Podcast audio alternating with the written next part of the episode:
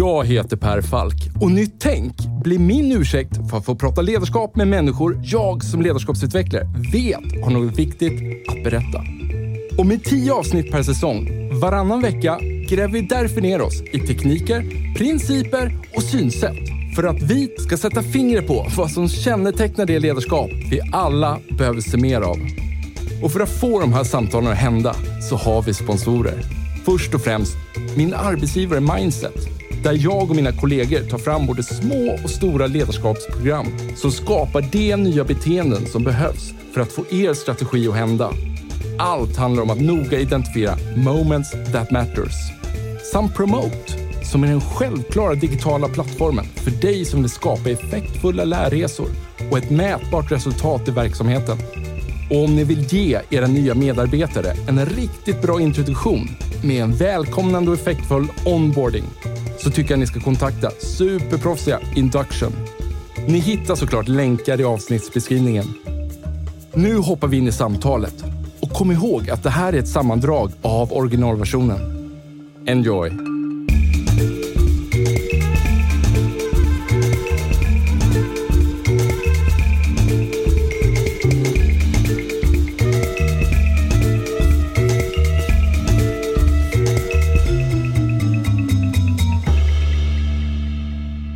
Karin, i ditt första sms som du skickade mig så la jag direkt märke till en emoji som du använde. Jag förstod, det här var ingen slump att den var där. Att det här är någon sorts statement från din sida.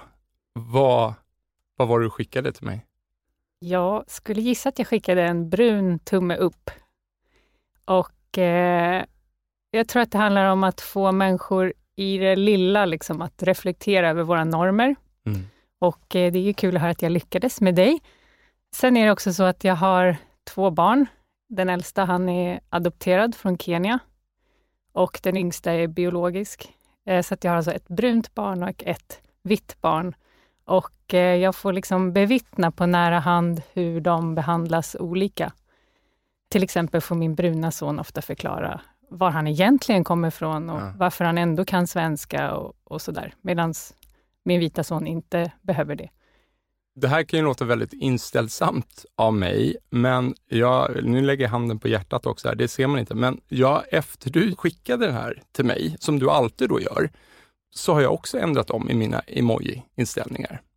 Så just nu använder jag en mer neutral, eh, vad, vad, säger man, färgneutral tumme upp. Ja, härligt. Och plötsligt så känns det så här väldigt mossigt av mig att jag inte har gjort det tidigare. Härligt. Vem är du, Karin? Om jag går tillbaks lite, så det finns nog två saker som har präglat mig väldigt starkt och format den jag är idag. Det första är att jag har alltid hållit på med idrott. Jag började när jag var liten. Jag sprang orientering i Nynäshamn, det är uppväxt. Och eh, det var bara killar i min orienteringsklubb. Så att eh, redan där tror jag lärde mig ganska bra att umgås med killar, vilket jag haft stor nytta av senare, i näringslivet inte minst. Sen har jag också en, en brorsa som alltid har utmanat mig, en storebror. Du vet, så här, tryckt ut mig off-pist någonstans där det var väldigt läskigt och eh, tvingat mig liksom att ta mig ner. Så att, eh, det har väl också varit väldigt nyttigt. Men sen framför allt eh, inom idrotten så har jag hållit på med rodd och varit eh, på landslagsnivå. Och Eh, att eh, man börjar liksom med att jag drömde om att jag skulle ta ett SM-guld och det var det största som man kunde uppnå. Eh, och sen gjorde jag det och då tänkte jag, men oh, det skulle vara så himla coolt att få representera Sverige och ro i världskuppen. Och det är det största jag kan tänka mig. Liksom. Och så gjorde jag det. Och sen såg jag liksom att om jag bara fortsätter att kämpa hårt och optimera förutsättningarna för att jag ska prestera i det här, så kan jag komma ännu längre. Och så fick jag ro på VM och EM och sådär. Um, så att det tror jag präglat mig väldigt mycket och, och, även i när man tränar inom en elitidrott så kan man ibland genomföra pass som är så jobbiga så att man inte kan gå efteråt. Liksom. Och man mår fruktansvärt dåligt. Men sen kan man göra samma pass tre, fyra dagar senare och då känns det inte riktigt lika jobbigt. Så jag tror idrotten verkligen har lärt mig att eh, pressa mig själv och att eh, hela tiden eh, höja ribban för vad jag tror är möjligt. Sen den andra saken som har präglat mig är att jag har en internationell bakgrund. Jag nämnde att jag är uppväxt i Nynäshamn, men jag flyttade till Kanada när jag var 12. Så jag har bott där, bodde där hela min tonårstid, mm. sju år. Och jag har också bott i Frankrike två gånger och i Schweiz ett år och jag har också bott i Kenya ett litet tag. Så att jag tror att det har också format mig så tillvida att jag är ganska van att vara den som inte passar in och att behöva känna in situationer och liksom lära mig och anpassa mig och förstå hur jag ska göra för att eh, passa in. Eh, och sen har jag också lärt mig att liksom, även när det är tufft så brukar jag landa på fötterna till slut. Um, till exempel när jag flyttade till Kanada så var första tiden ganska tuff. Och, ja, det är inte så lätt att flytta när man är 13-årig tjej. Och jag hade svårt att få vänner. Och liksom, mm. Men det inget som jag skulle önska mina egna barn att man ska behöva gå igenom. Alltså att vara mobbad och vara liksom en outsider. Men samtidigt så känner jag att det har gjort mig väldigt stark som vuxen och mindre rädd för att testa nya grejer. Varför tror du du är här? Idag? Ja. ja, kanske för att prata, inte om eh, min idrott och eh, mitt friluftsintresse, utan kanske mer om ledarskap. Jag eh, står inför och håller på att ska flytta till Tyskland, till Stuttgart och ta över som ansvarig för Mercedes-Benz lastbilar globalt. Kan man säga då, är man VD för Mercedes lastbilar? Eller? Ja, precis. Det är så roligt med dig att eh, vi är ju en ledarskapspodd här och eh, när, när du presenterar dig själv, du är ju här för att eh, delvis, du ska liksom gå in i den här positionen som VD, global VD på Mercedes-Benz. Men när du presenterar dig själv så blir det lite så här, ja just det, den där, den där lilla grejen. Och jag, jag har ju lovat mig själv i den här podden att jag vill inte att en VD ska vara med bara för att det är en VD, utan ska en VD vara med så ska, det vara, ska den personen ta något nytt till bordet. Och, och jag, jag tror jag blir ännu mer starkt i den övertygelsen när jag hör din självpresentation och du inte lyfter fram det. Och jag tror väl liksom att någonstans den här, hur gammal är du Karin? 41. 41 och du går in och blir global VD på Mercedes-Benz lastbilar. Och någonstans så tror jag väl jag att man har hoppat över ett gäng generationer över tänkbara VDR, men man väljer dig och jag är helt övertygad om att man gör det för att man ser att ditt ledarskap kommer framtidssäkra organisationen. Och genom att dissekera det här lite mer så tror jag att vi kommer få en hint om framtidens arbetsliv. Spännande. Får se om jag kan leverera på det då.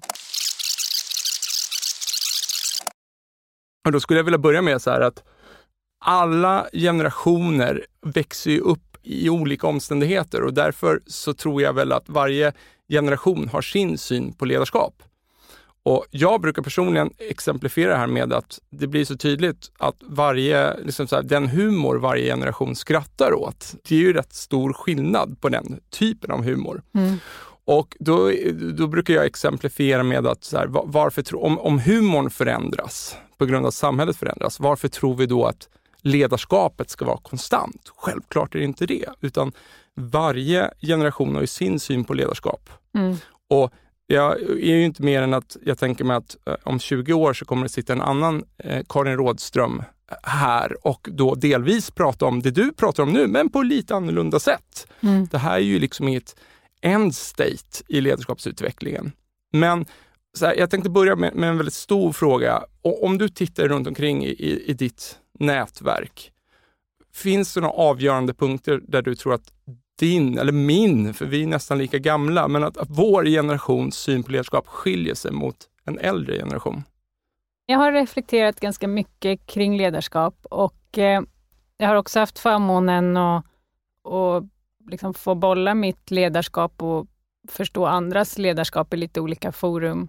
Så att jag tycker att, att jag kan börja se lite mönster i vad jag tror är, kanske inte framtidens ledarskap, utan nutidens ledarskap och, och hur det skiljer sig från det som kanske har varit lite mer tidigare.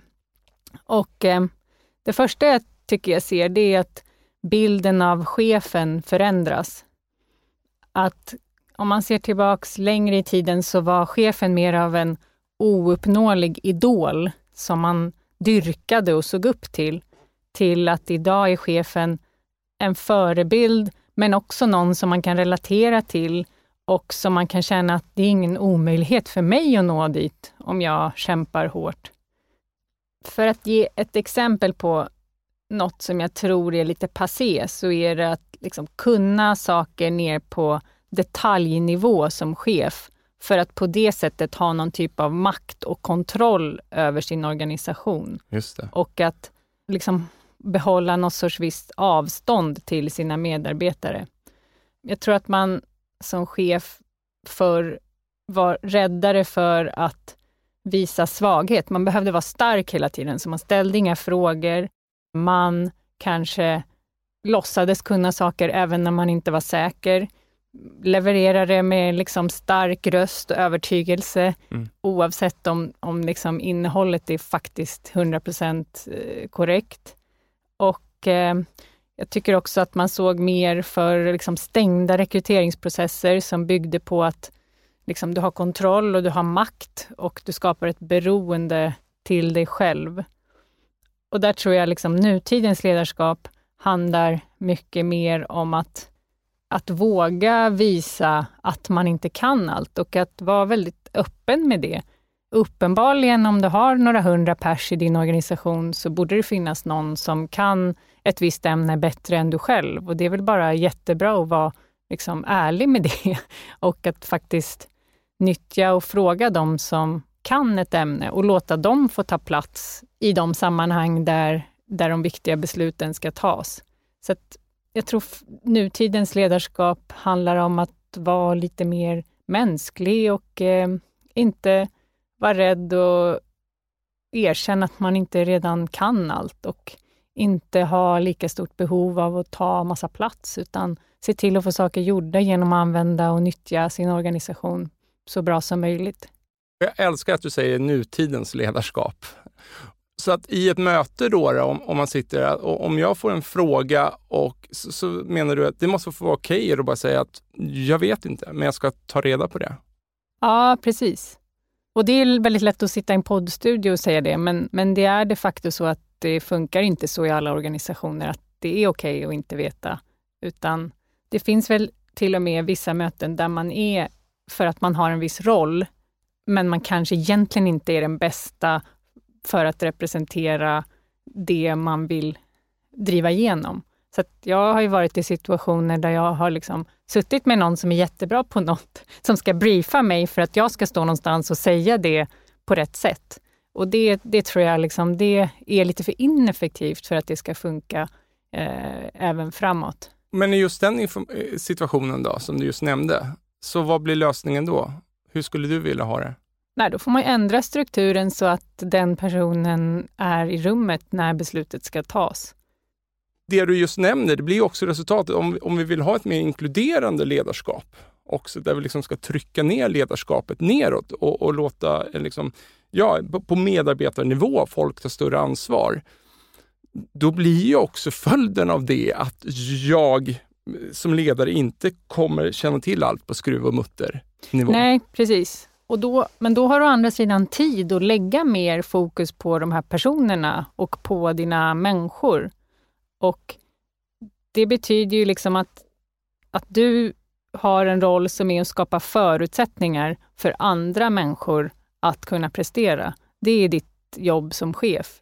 Inte att läsa på om saker för att kunna driva hela organisationens agenda. Så att jag tror att det är också något som förändras och det är något som jag ser i mitt eget ledarskap gått ifrån att för tio år sedan var extremt uppgiftsfokuserad mm. till att bara landa i att så här, ja, men det jag behöver göra är att se till att alla i min ledningsgrupp har förutsättningar att prestera och att eh, röra sig framåt i liksom, det som behöver göras. Du sa något klockrent till mig någon gång eh, att, i stil med att det spelar ingen roll hur mycket extra tid jag lägger på någonting. Ja, just det. För att, vad var det du sa? Ja, men det var, alltså, när jag rodde jag borde ha lärt mig det här redan när jag rodde, helt ja. ärligt. För att eh, jag rodde ju ganska mycket i lagbåtar. Mm. Och det är en väldigt så här, rolig sportrodd, för att man tävlar både individuellt och sen sitter man i samma båt och ska prestera som ett lag med dem man just har tävlat mot. Och eh, därför så är liksom hela träningen är ganska individfokuserad.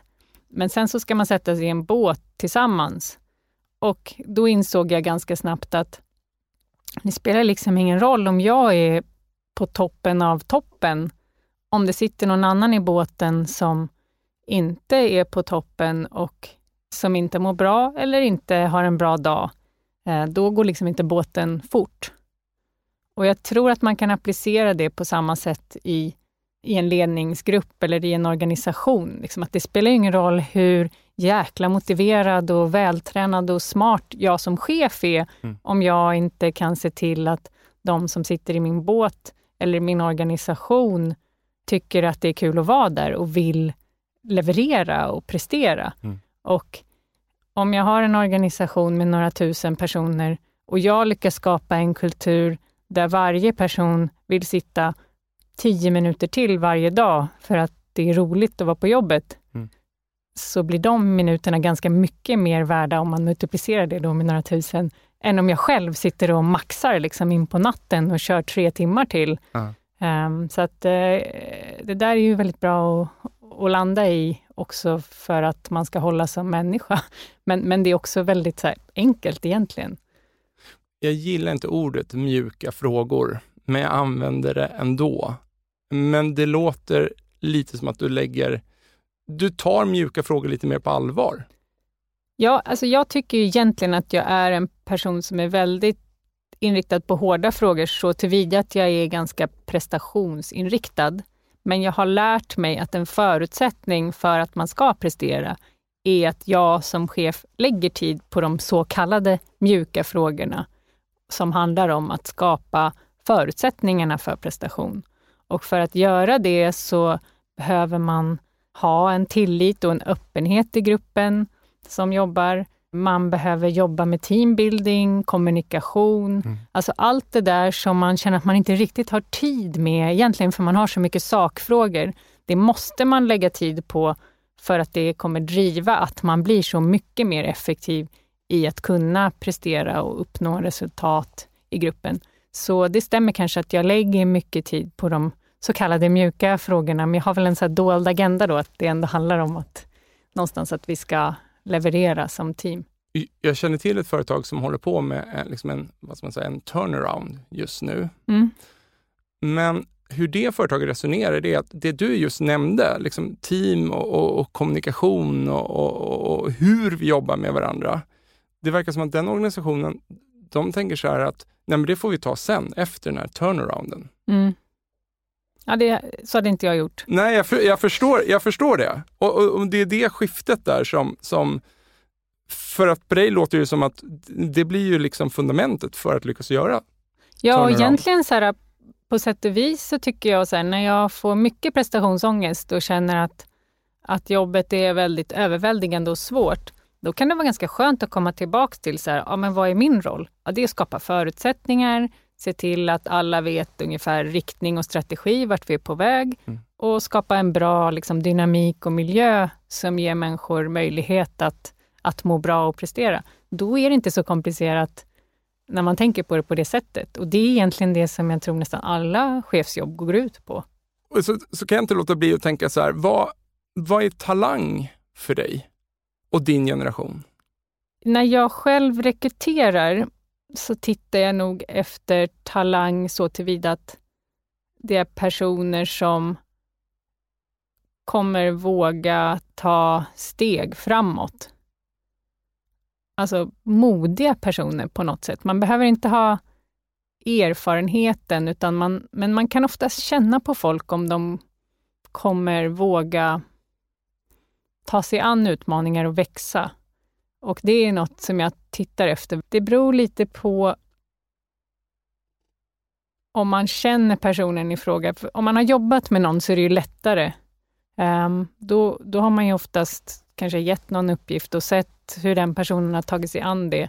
Mm. Och då tycker jag man ganska ofta kan liksom pinpointa personer som man som talanger. Liksom, som, det är inte alltid att de går spikrak uppåt. De får också misslyckas och, ja. och ibland blir det fel och så, men det handlar om att liksom, ta med sig det. När det blir fel så ska man i alla fall ta med sig det och göra något bra av det till nästa gång. Och inte rygga tillbaka och, och inte våga göra det igen, om man säger så. Så det är väl det jag liksom kallar för mod egentligen. Um, men om man ska rekrytera någon talang, om man inte känner personen innan, mm. då handlar det ju om att försöka förstå drivkrafter och, och, komma lite på djupet när man gör en intervju. Och, och, komma kanske förbi de här, vad är tre saker du är bra på, tre saker du är dåliga på. Eh, men det är, det är inte lätt, men, men eh, det handlar väl om att och kanske också få några olika personer som, som eh, också ger sin bild av en person. Ehm, att, att ta med till exempel sin ledningsgrupp och eh, intervjua eh, när man själv ska göra en rekrytering. Ja. Men, men, då låter det som att du inte är så fixerad med att personen då ska ha haft vissa formella befattningar? Nej, jag tror att, eller jag har märkt att jag är mindre fokuserad på vad man faktiskt har gjort än många av mina kollegor när jag rekryterar. Mm. Alltså det finns vissa jobb ibland när man säger, ja, om du ska göra det här, då måste du ha jobbat internationellt. Um, där kanske jag är lite mer flexibel. Att, ja, men det är jättebra om du har jobbat internationellt, fast liksom, du kanske har gjort något annat som är superbra. Och vi är redan 12 pers här i den här ledningsgruppen som har jobbat internationellt, så det kanske inte gör något om den 13 har gjort något annat istället. Men är det lättare att tänka så om man liksom internrekryterar någon? För jag tänker så att då får den personen med sig cred bara för att den tillhör organisationen. Mm. Snarare än om man tar någon utifrån mm. och lyfter in. Och jag bara hörde någonting någon gång att om en outsider kommer in i en organisation så det, nästan enda sättet att få det att fungera blir att den organisationen som man kommer in i nästan ser upp till den branschen som personen kommer ifrån. Mm. Bra fråga. Ja, du, du, behöver inte följa med på den överhuvudtaget. jag... Det var någonting som slog mig bara just nu. Jag tänker att, att man som chef har ett ansvar att skapa en gruppdynamik som gör att man kommer till sin rätt oavsett om man kommer från en creddig bransch eller om man är supertalang som är liksom uppväxt internt inom företaget. Mm. Och jag tror att om man lyckas skapa en en bra miljö och en stark ledningsgrupp, mm. så kan man också ha förutsättningar för att man kan komma till sin rätt, även om man är en minoritet, eh, ensam kvinna eller ensam som kommer utifrån mm. eller ensam som inte är tysk eller svensk. Um, så där tror jag det ligger ganska mycket ansvar både på chefen och på den gruppen där man kommer in. Men det är väldigt lätt hänt att någon kommer in och så försöker man bara Eh, ja, men säg att de kommer utifrån till, till Daimler, då vill vi, ja som jag då. jag kommer komma in och så ska de damli, damlifiera mig då. Ja. Och det tror jag inte blir bra, men det är klart att jag vill förstå kulturen, men jag kan inte omfamna den fullt ut. Du har ju dock en liten annan fördel att komma in på toppen, tänker jag. ja, eh, alltså både och. Det är klart att det är lättare. Um, men det blir men, andra problem. Men jag måste ju få med mig min organisation och då måste jag ju förstå hur de funkar och vilken kultur som finns och, och vad som krävs för att, för att folk ska tycka det är kul att gå åt det hållet som jag tycker att vi ska gå. Och när vi ändå pratar om den här liksom stratosfärsnivån här och en ledningsgrupp som verkar i, i, i, i tung industri. Vad kommer bli viktigt i din kommande ledningsgrupp? Vilka principer kommer du sätta i din ledningsgrupp för att den ska fungera så effektivt som möjligt? Och, egentligen så här, man, ja i det här fallet blir det en ledningsgrupp, men egentligen så kanske du skulle ta samma principer i vilket team du än ha, hamnade i. För det är någonting som du liksom tror på, att så här måste en grupp fungera. Ja, jag tror att det är ganska oavsett nivå. Jag tror att det är väldigt viktigt i en ledningsgrupp att sätta sig ner och verkligen diskutera vad syftet är med ledningsgruppen. Alltså varför finns vi som grupp och vad ska vi leverera? Inte vad är organisationens uppdrag, utan vad är vårt uppdrag som ledningsgrupp mm. för att leverera på det som organisationen ska göra. Och det kan ju vara så enkelt som att nej, men vi ska ses en gång i veckan och alla rapporterar av sina siffror och så säger vi yes, no och så kör vi vidare. Ja, då kanske det inte finns så jättestort behov av att man, att man skapar djupa relationer. Men om man tänker sig en grupp som har ett någorlunda komplext eh, sammanhang eller en, en komplex utmaning, kanske att man ska liksom, sätta riktningen för ett företag eller driva en strategi eller driva någon typ av förändringsresa. Då tror jag att det är väldigt viktigt först att man landar i exakt vad den där gemensamma ytan är.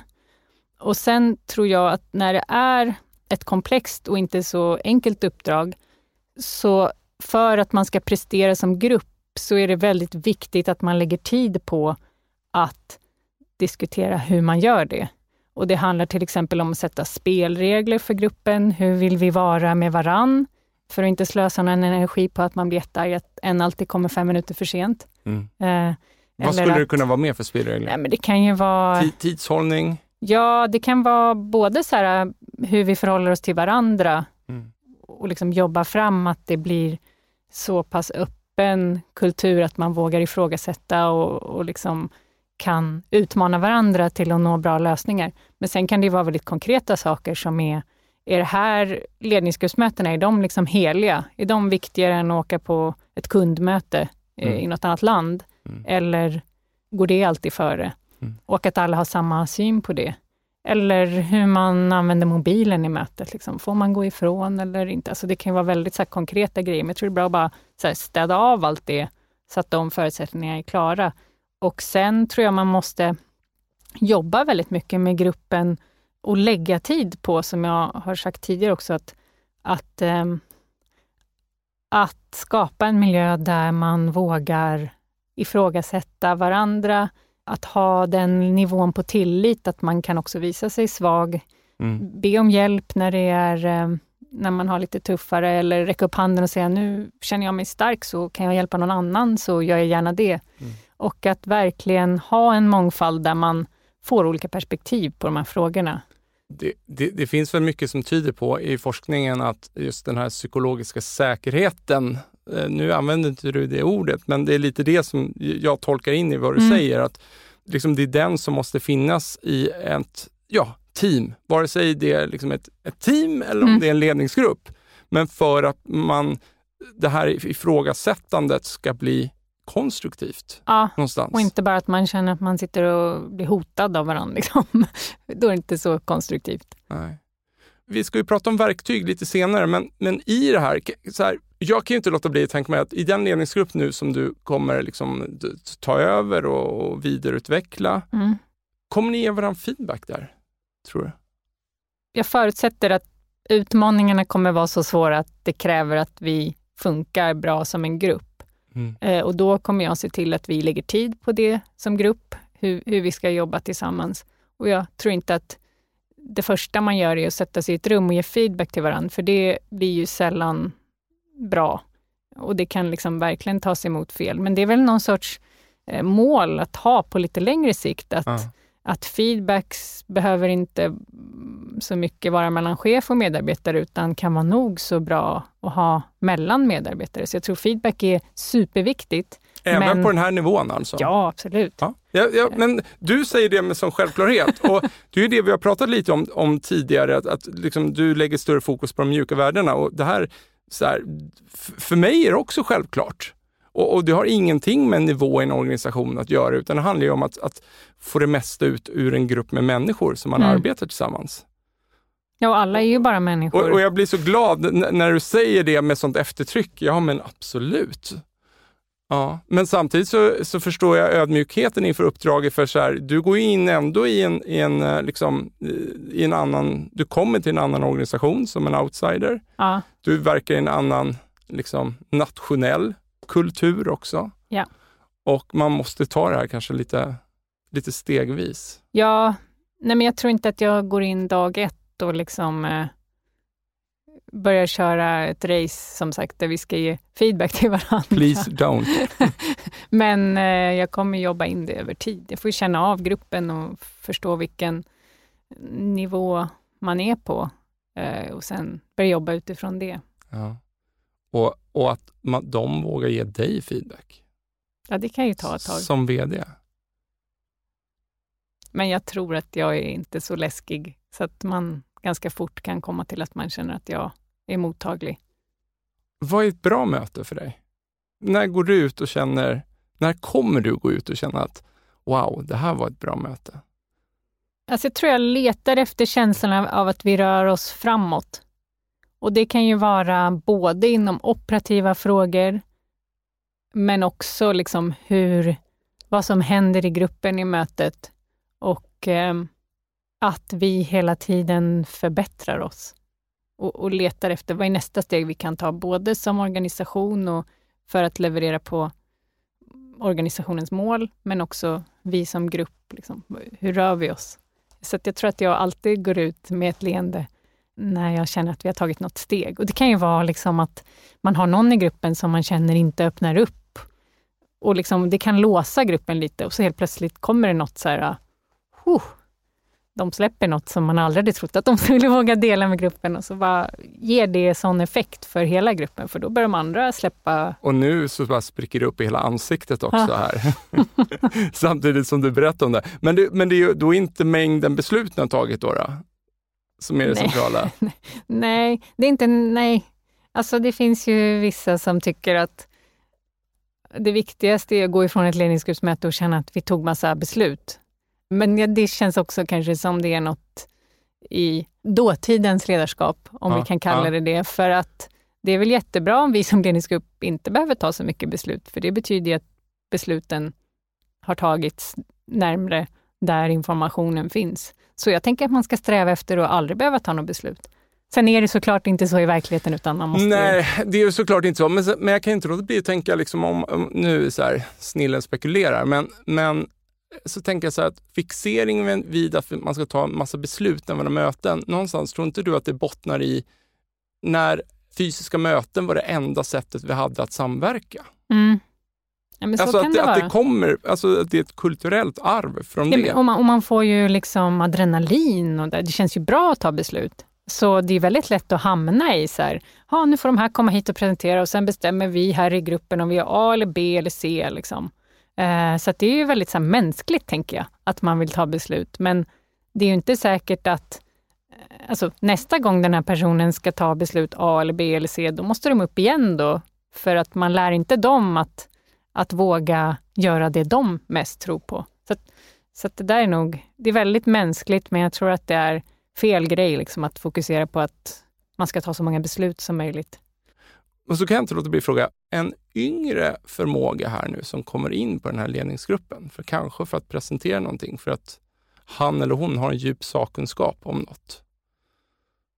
Och så är hen lite nervös här. Hur reagerar du i en sån situation mot den här personen som står här och ska liksom presentera någonting eller pitcha någonting? Jag kollar argt på dem och bara, ut med det! Nej, jag tror att det är jätteviktigt. Alltså vi som ledningsgrupp måste ju också vara medvetna om att när man tar in folk ur organisationen så är det extremt viktigt hur vi beter oss. För det handlar ju också om kultur egentligen. Så jag tror att det, alltså, dels tror jag försöker få personen att känna sig så avslappnad som möjligt, för att då blir det säkert en bättre presentation. Så att liksom få lite lugn och ro, sätta upp presentationen om den har med sig något. Om vi fikar så bjuder man dem på lite fika. Titta i ögonen, säga välkommen. Mm. Inte förutsätta att personen kanske vet vilka alla är i rummet, vilket vi kan tendera att göra när vi sitter högt upp i företagsledningar. Mm. Så det är väl en grej. Men, nej, men och sen tror jag att vara medveten om också, liksom, om vi står för respekt för individen till exempel, mm. så betyder det att man ska respektera den som kommer in i rummet och få den att känna sig välkommen. Och om den inte gör det så kommer den gå därifrån och tänka så här, ja, men den här kulturen, de här värderingarna i det här företaget, det verkar ju bara vara trams. Liksom. de, de lever ju inte så. Så, så där tror jag man också måste inse att man har en liksom symbolisk roll att ta hand om de som kommer in i mötet. Ja, men här tror jag också kan vara en liten generationsfråga i att, att en person är synbart nervös, alltså att man kan sidokoppla det, det har ingenting med kompetens att göra. Nej. Ja, alltså det är två helt skilda saker. Och det värsta som finns är ju situationer när någon kommer in och är nervös och så ska någon annan liksom, som sitter i rummet ja, men nästan som att de ska sätta dit dem. Liksom. Ja, och det där, ja, det var min nästa fråga till dig faktiskt. För att det där är, är rätt vanligt förekommande och jag kan nästan tycka att det kan vara väldigt intressant att sitta och titta. Hur reagerar folk på någon som är i ett underläge? Ja. Triggar det någonting, att de liksom vill platta till den personen ännu mer? Eller blir man istället liksom stödjande? Jag tror att om man, om man är i en mer senior position och någon kommer in och presenterar något och man liksom trycker till den lite grann och, och liksom inte får den att känna sig bekväm, då bottnar det i att man själv inte är trygg i vem man är och vad man står för och man kanske inte vill visa sin egen svaghet. Så det skulle jag säga är väl ett tecken på att det är något i kulturen som behöver tas tag i. Ja. Du nämnde ju ordet kulturer och, och liksom vikten av att även ni i högsta ledningsgruppen måste liksom, ja, men leva kulturen i era mm. beteenden. Kan du säga något mer? Vad blir din roll i att forma en kultur? Kan du säga, utveckla det någonting? Jag tror att man som chef måste matcha den kulturen man säger sig representera. Och man är en kulturbärare förstås, som högsta chef. Och allt man gör amplifieras så att det blir ännu viktigare för den som är högsta chef att leva kulturen, eftersom många tittar på ja, hur gör Karin och liksom, alltså om jag gör något, om jag har en dålig dag och beter mig dåligt, så kan det finnas risk att det sprider sig i organisationen. Det tror jag bara, sen måste man ju få ha dåliga dagar, men jag tror man ska vara medveten om att, att man syns på ett annat sätt. Ja. Och att om man vill driva en kulturförändring så är det ju superviktigt att man står för det man säger sig att man vill driva mot. Och sen beror det såklart på, liksom ett ledarskap måste ju matcha den kultur som man säger sig vilja ha. Så om man har en kultur som är fast and furious, så kräver det ett annat ledarskap än en kultur där man säger rätt från mig. Och eh, om jag ska ta ett exempel så, jag har ju följt Volkswagen lite på avstånd eftersom de äger en stor del av, av Scania. Och 2015 efter Dieselgate så blev det väldigt tydligt i Volkswagen att man behövde bygga en ny kultur. Att man la in nya värderingar där man pratade om speak up culture och integritet mm. och eh, att man måste kunna liksom lyfta när egentligen pågår något då som, som inte är kanske önskvärt. Och eh, jag tror att liksom när man började prata om det i Volkswagen så var det liksom jättesvårt för att det matchade inte alls hur företaget var gearat. Liksom. Men, och även, man såg att liksom, även höga chefer delegerade gärna upp beslut liksom, för att eh, inte man var van att, att, bestämma saker och så. Så att jag tycker man ser liksom, hur mycket tid och energi man har lagt i Volkswagen på att ändra kulturen och att man nu, sista åren, ser hur det verkligen börjar bära frukt och att det är ett annat företag idag än vad det var för, för fem år sedan. Och där tror jag liksom man har behövt jobba jättemycket med kulturen, prata om den och så. Och jag tror också att man kanske har behövt byta vissa ledare som inte har klarat av att göra den förflyttningen in i den nya kulturen. Mm. Och det tror jag man måste vara beredd på när man driver en, en kulturresa. Så jag skulle säga att det tar tid, men det är väl lite samma där. Det gäller att hela tiden röra sig framåt och, och ha respekt för att det kan ta lite tid och att alla kanske inte kan vara med på den typen av resa. Vi har ett annat avsnitt med, med Linus Jonkman där vi just pratar om kultur och, mm. och liksom, där han menar liksom att kulturen föds över de här, i de här rätt smärtsamma besluten mm. ibland. Mm. Att en person kanske inte kan vara kvar eller att vi fattar ett affärsbeslut som faktiskt kostar oss mer pengar, mm. men är mer troget den kultur vi vill liksom forma. Ja, och även tänker jag i rekryteringar att man man har nog historiskt kanske rekryterat folk som har levererat resultat, Mm. men att om du ska driva en kulturresa så blir det också extremt viktigt att de levererar resultat, men också att de representerar den kulturen som vi vill stå för i det här bolaget. Och det är också något som jag tror blir viktigare och viktigare. Att man kanske har kunnat komma undan lite förr i tiden, om man var riktigt duktig på Ja. sälj eller superexpert på någonting, medan i nutiden så funkar det inte riktigt så. Nej, men det, och det har väl att göra med liksom ett större fokus på kultur. Ja. Liksom att kulturen blir, man, man ser det mer idag som en, en konkurrensfaktor, kanske. Ja, absolut. Och det ser man ju när man ska rekrytera unga människor, att kultur och även syftet för företaget är något som är nog så viktigt när de väljer var de ska börja jobba någonstans.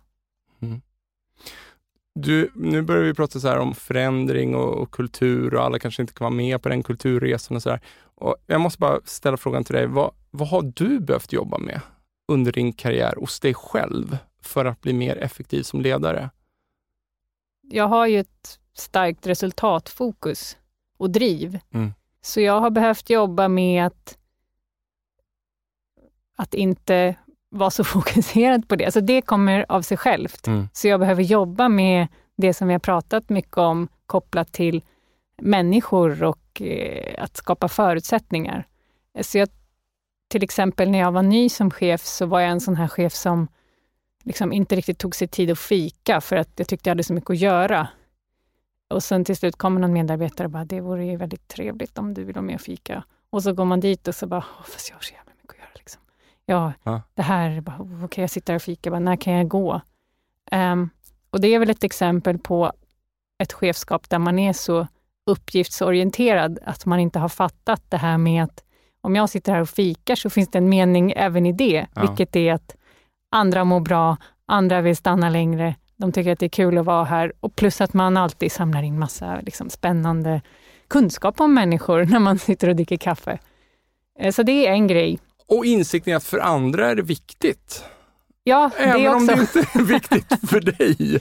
Och, och, och då, och liksom verkligen kopplat till det, det handlar inte bara om att fika, men liksom att, att när man har gjort något bra, vara nöjd med det liksom, och Mm. låta folk få känna att nu är jag nöjd liksom, med det vi har presterat. Mm. För att jag själv kan ju tendera att vara så här, okej, då har vi gjort det, då höjer vi ribban, då ska vi hit. Nu har vi vunnit SM, nu ska vi liksom till världskuppen. Mm. Men de flesta har ju ett större behov än jag i att liksom fira det där SM-guldet lite innan man börjar sikta mot världscupen. Och där kan jag vara liksom alldeles för snabb och liksom på nästa, vilket gör att eh, ja, men folk kanske känner att jag inte riktigt är nöjd eller stolt över dem. Nej. Och det där gäller även så med mina barn. Liksom, att, Ja. här, jag är alltid så här, "Ha, nu har vi gjort den här matten, ska vi göra några tal till? Liksom.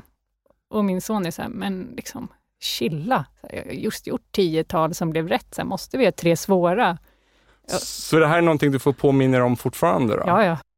Finns det några andra grejer? Du, du nämnde så här att tidigare här att du kan vara ännu kantigare hemma.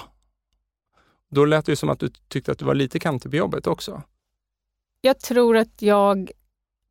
Jag är uppväxt i Kanada, så jag är lite så här nordamerikanskt präglad, så tillvida att jag är ganska direkt. Um, inte liksom, jag lindar inte in mina budskap så bra, även när jag försöker. Så jag tror att det har blivit lite bättre på på jobbet, men kanske ännu mer direkt hemma med min familj. Så det är väl ett exempel på att jag kanske är lite kantig. Det är väldigt rakt på sak och så här tycker jag. Man behöver inte sitta och undra så här, hm, vad tycker Karin om det här, utan det, det är ganska tydligt. Och jag hoppas att jag är, eller jag vet att jag är så på jobbet, men jag hoppas att jag är lite mer så här inkännande. Har du fått feedback om det någon gång tidigt i karriären? Att du är för direkt? Jag, jag har fått feedback så tillvida att jag har blivit informerad om att olika människor kan ha tagit illa upp. Ja. Ehm, och det har ju aldrig varit min mening, men det har hänt flertalet gånger att jag har fått, liksom, fått den feedbacken, oftast inte direkt från personen utan indirekt och då kontaktat personen i fråga och bett om ursäkt och Ja. liksom försökt att förklara vad det var jag menade eller bara säga att jag skulle inte ha uttryckt mig så. Så att, eh, absolut. Eh, jag brukar ofta prata om som att, liksom, att man måste, när det gäller feedback, alltså tänka så lite om det är ett perceptionsproblem. Det vill säga att om man nu om man får feedback att så här, men, så här, någon har tagit illa upp hur du uttryckte dig. Att även om då att jag vet då i, i magen att ja men herregud, så här, det, det, var ju inte alls min intention. Det kanske till och med var tvärtom, att jag tyckte den här personen är, är jättevärdefull. Mm. Men om personen har uppfattat det på det sättet så måste jag ändå fundera, vad är det i mitt hur, hur mm. jag levererar som gör att jag missuppfattas? Och, mm. och, det kan ju vara ett lika allvarligt problem som om jag verkligen hade haft ett annat uppsåt med det. Ja, men absolut. Och det där har jag också fått jobba med. När vi då liksom pratar om, om, feedback och så här, har du några ledarskapshacks till ledare som sitter och, och lyssnar på det här som du känner så här, men, jag tycker ni ska betänka det här. Jag tror att mitt viktigaste hack är att man ska se till att ta sig tiden att jobba med gruppen. Man känner liksom alltid att man har en miljon sakfrågor som man måste göra. Och vi, jag har varit i situationer många gånger där man har en agenda, man ska ha någon, liksom, två dagar borta från kontoret och snacka om massa grejer. Och så får inte all plats i agendan. Det är så lätt att man tar bort det här liksom mjuka, jobba med varandra och lära känna varandra. Och det tror jag är helt fel. Eh, så att där tror jag bara man ska vara hård och se till att man lägger tid på det. En annan är, som jag har jobbat med för att få det där att hända, så har jag en metod som jag har jobbat med med några olika ledningsgrupper där man halvårsvis har vi kört nu, det kanske kan vara kvartalsvis också, att varje person sätter sig, skriver ner och funderar över liksom, vad är mina viktigaste leverabler kommande halvåret? Och vad vill jag utveckla hos mig själv kommande halvåret? Och sen så träffas vi i gruppen och så får var och en presentera, det här är mina viktigaste leverabler och det här vill jag utveckla hos mig själv.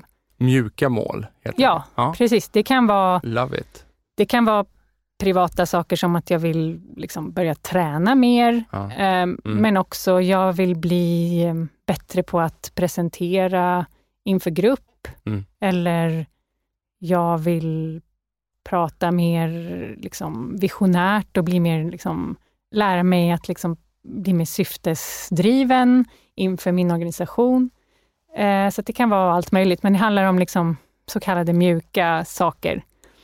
Och sen då sex månader senare, då träffas man igen. Ja, man har väl träffats massa gånger emellan, men, men just med det här fokuset.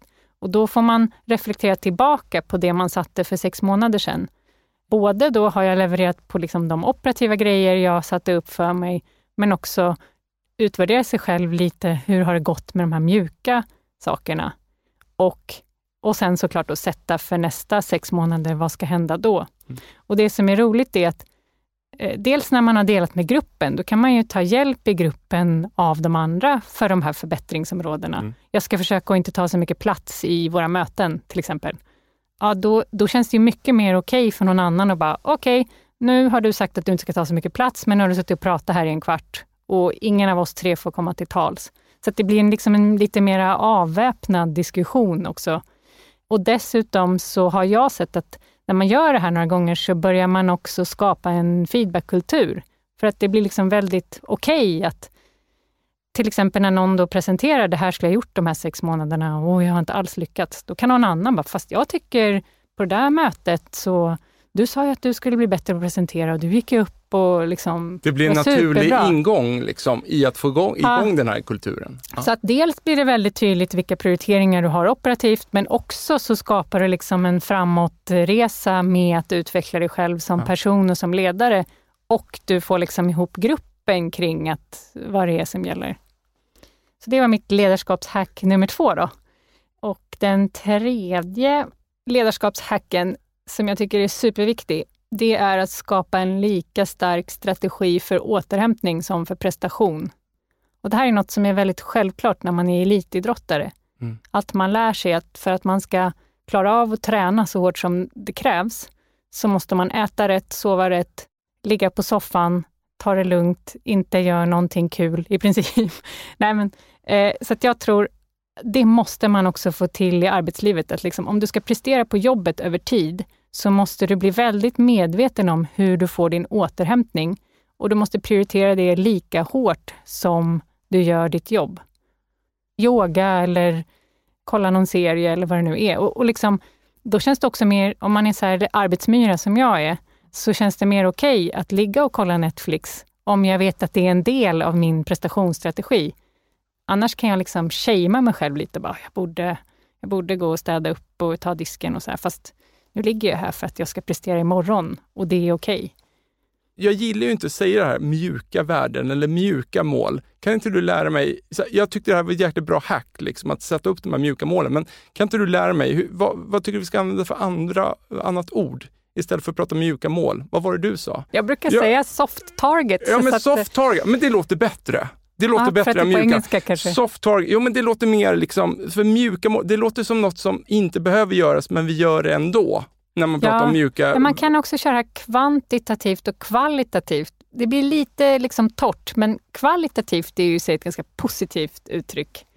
Och då handlar det om dina kvalitativa områden som du ska utveckla. Du, det testar vi. Det testar vi. Det är inte dina ord, det är mina ord, men, men, svensk industrihistoria när du liksom, du hoppar in i ett globalt företag. Ja, du, du grimaserar och gillar inte det, men, men jag tycker verkligen det. Jag tycker verkligen det. Och, men det är så här, ja men det kanske blir så här Karin, att eh, långt in i framtiden, då kanske du är en åldrande eh, näringslivsprofil eh, som uttalar dig i media i tid och otid utan att du förstår att samhället har gått vidare. Ja, då får du ringa och bara, Karin, lägg ner. Lägg ner. Åk till Ramenberget och stanna där. Det ska jag. En reflektion som jag vill bara säga, det är från vår första initiala kontakt tills liksom nu, så jag hela tiden bara, men vad vanlig hon är. ja. Vilket jag går igång otroligt mycket på. Men jag kan också inte låta bli att tänka så här, om man lever som VD för ett stort industriföretag i Sverige så är det liksom, det är liksom hyfsat skyddat liv. Men jag tänker mig att det kanske blir ett kubiktecken på det om man är VD för ett stort globalt företag i Tyskland. Mm. Så min fråga till dig, hur ska du fortsätta vara vanlig?